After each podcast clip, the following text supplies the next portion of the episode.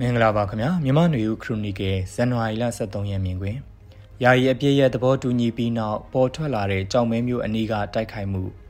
ယခုလက်တလောတိုက်ပွဲတွေဖြစ်ပွားနေတဲ့မြန်မာနိုင်ငံရဲ့ရှမ်းပြည်နယ်မြောက်ပိုင်းနဲ့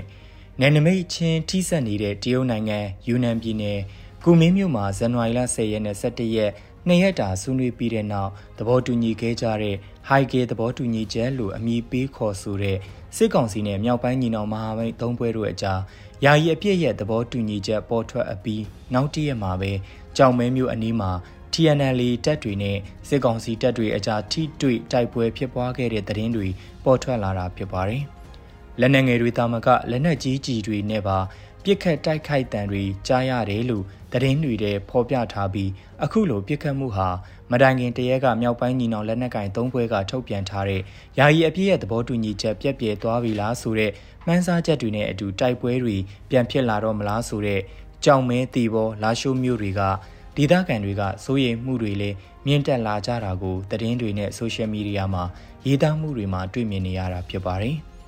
ဒဇယ်20ခွန်စစ်စင်ရေးဖြစ်ပွားပြီးတဲ့နောက်နှစ်လခွဲခန့်အကြာမှာအခုလိုယာယီအပြည့်ရဲ့သဘောတူညီချက်ကိုတရုတ်နိုင်ငံရဲ့ဂျာဝင်ညှိနှိုင်းမှုနဲ့ရခဲ့ကြတာဖြစ်ပြီးတော့ယာယီအပြည့်ရဲ့သဘောတူညီချက်ကကာလကန့်သက်ချက်မပါရှိသလိုအချို့သောအပြည့်ရဲ့သဘောတူညီချက်တွေလိုသဘောတူညီမှုနဲ့ပတ်သက်ပြီးအသေးစိတ်ဆက်လက်လှုပ်ဆောင်တဲ့အစီအစဉ်မျိုးတွေပါရှိတာမတွေ့ရပါဘူး။ ဒီသဘောတူညီချက်ဟာတိုက်ခိုက်မှုတွေအရှိန်မြင့်တက်နေချိန်စစ်ကောင်စီဘက်ကစက်ခန်းနဲ့မြို့တွေတစ်ခုပြီးတစ်ခုဇက်တိုက်ဆိုးသလိုဆုံးရှုံးလက်လွတ်နေရချိန်မှာမြင့်တက်နေတဲ့အရှိန်ခဏတက်ဖို့လက်ဝဲပွဲအတွင်းခိတမြနားတာနဲ့အလားတရန်တူတဲ့အပြစ်ရဲ့သဘောတူညီချက်ဖြစ်ပါတယ်။ရခိုင်ပြည်နယ်မှာ2020ခုနှစ်နဲ့2022ခုနှစ်တွေတုန်းက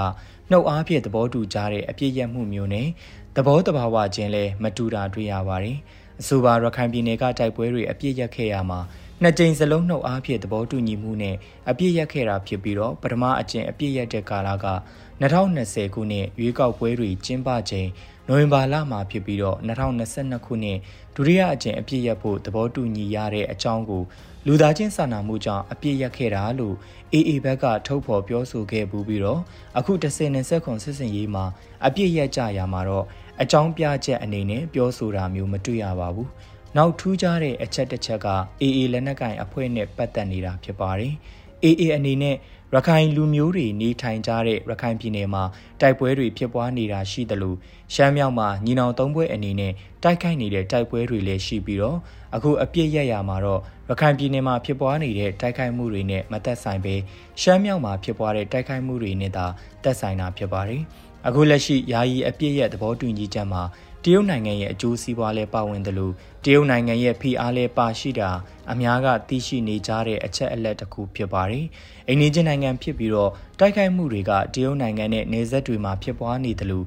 တရုတ်နိုင်ငံတဲကိုလက်နက်ကြီးကြီးကြားရောက်ပောက်ကွဲတာတွေဖြစ်ပွားခဲ့တဲ့အနေအထားအထိရောက်ခဲ့တာနေဆက်ဒေသတွေမှာစေဘေးရှောင်ဒုက္ခတွေလိုပြဿနာတွေအထိတရုတ်နိုင်ငံကအနည်းနဲ့အများတက်ရောက်မှုတွေရှိနေတာ မြန်မာနိုင်ငံတဲကတရုတ်နိုင်ငံရဲ့ယင်းနှိမ့်မြုံနယ်မှုတွေထိခိုက်ပျက်စီးနိုင်တဲ့အရေးတွေကိုပါထုတ်ဖော်ပြောဆိုခဲ့ပြီးတော့မြန်မာနိုင်ငံတဲက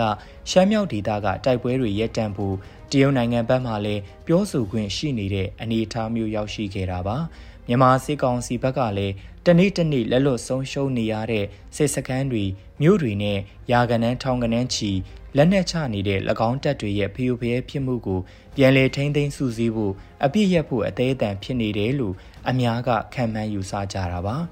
မြောက်ပိုင်းညီနောင်လက်နက်ကိုင်အဖွဲ့၃ဘွဲ့အနေနဲ့တော့ဇက်တိုက်ရနေတဲ့စီရီအောင်ပွဲတွေကိုတန့်သွားတဲ့သဘောဖြစ်စေနိုင်တဲ့အပြစ်ရက်သဘောတူညီချက်ကိုလူလူလားလားရှိကြမှာရှိမှာဖြစ်ပါတယ်တရုတ်ရဲ့လူလားချက်နဲ့စစ်ကောင်စီရဲ့အသေးအတန်လိုအပ်နေတဲ့အပြစ်ရက်သဘောတူညီချက်ကို မနေ့ကကြောင်မဲမျိုးအနေကတိုက်ခိုက်မှုတွေက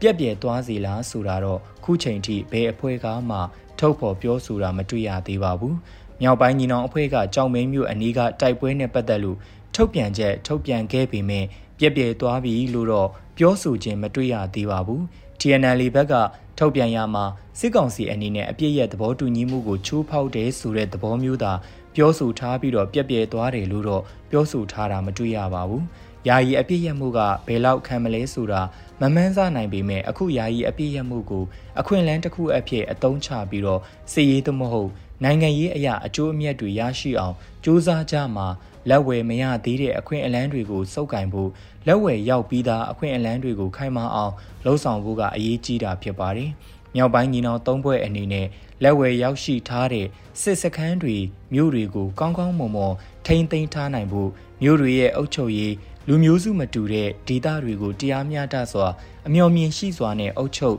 ထိန်းသိမ်းထားနိုင်ဖို့ကစစ်တိုက်ဖို့လိုပဲအရေးပါတဲ့ကိစ္စရပ်တွေဖြစ်လာနေတာဖြစ်ပါတယ်ခင်ဗျာ။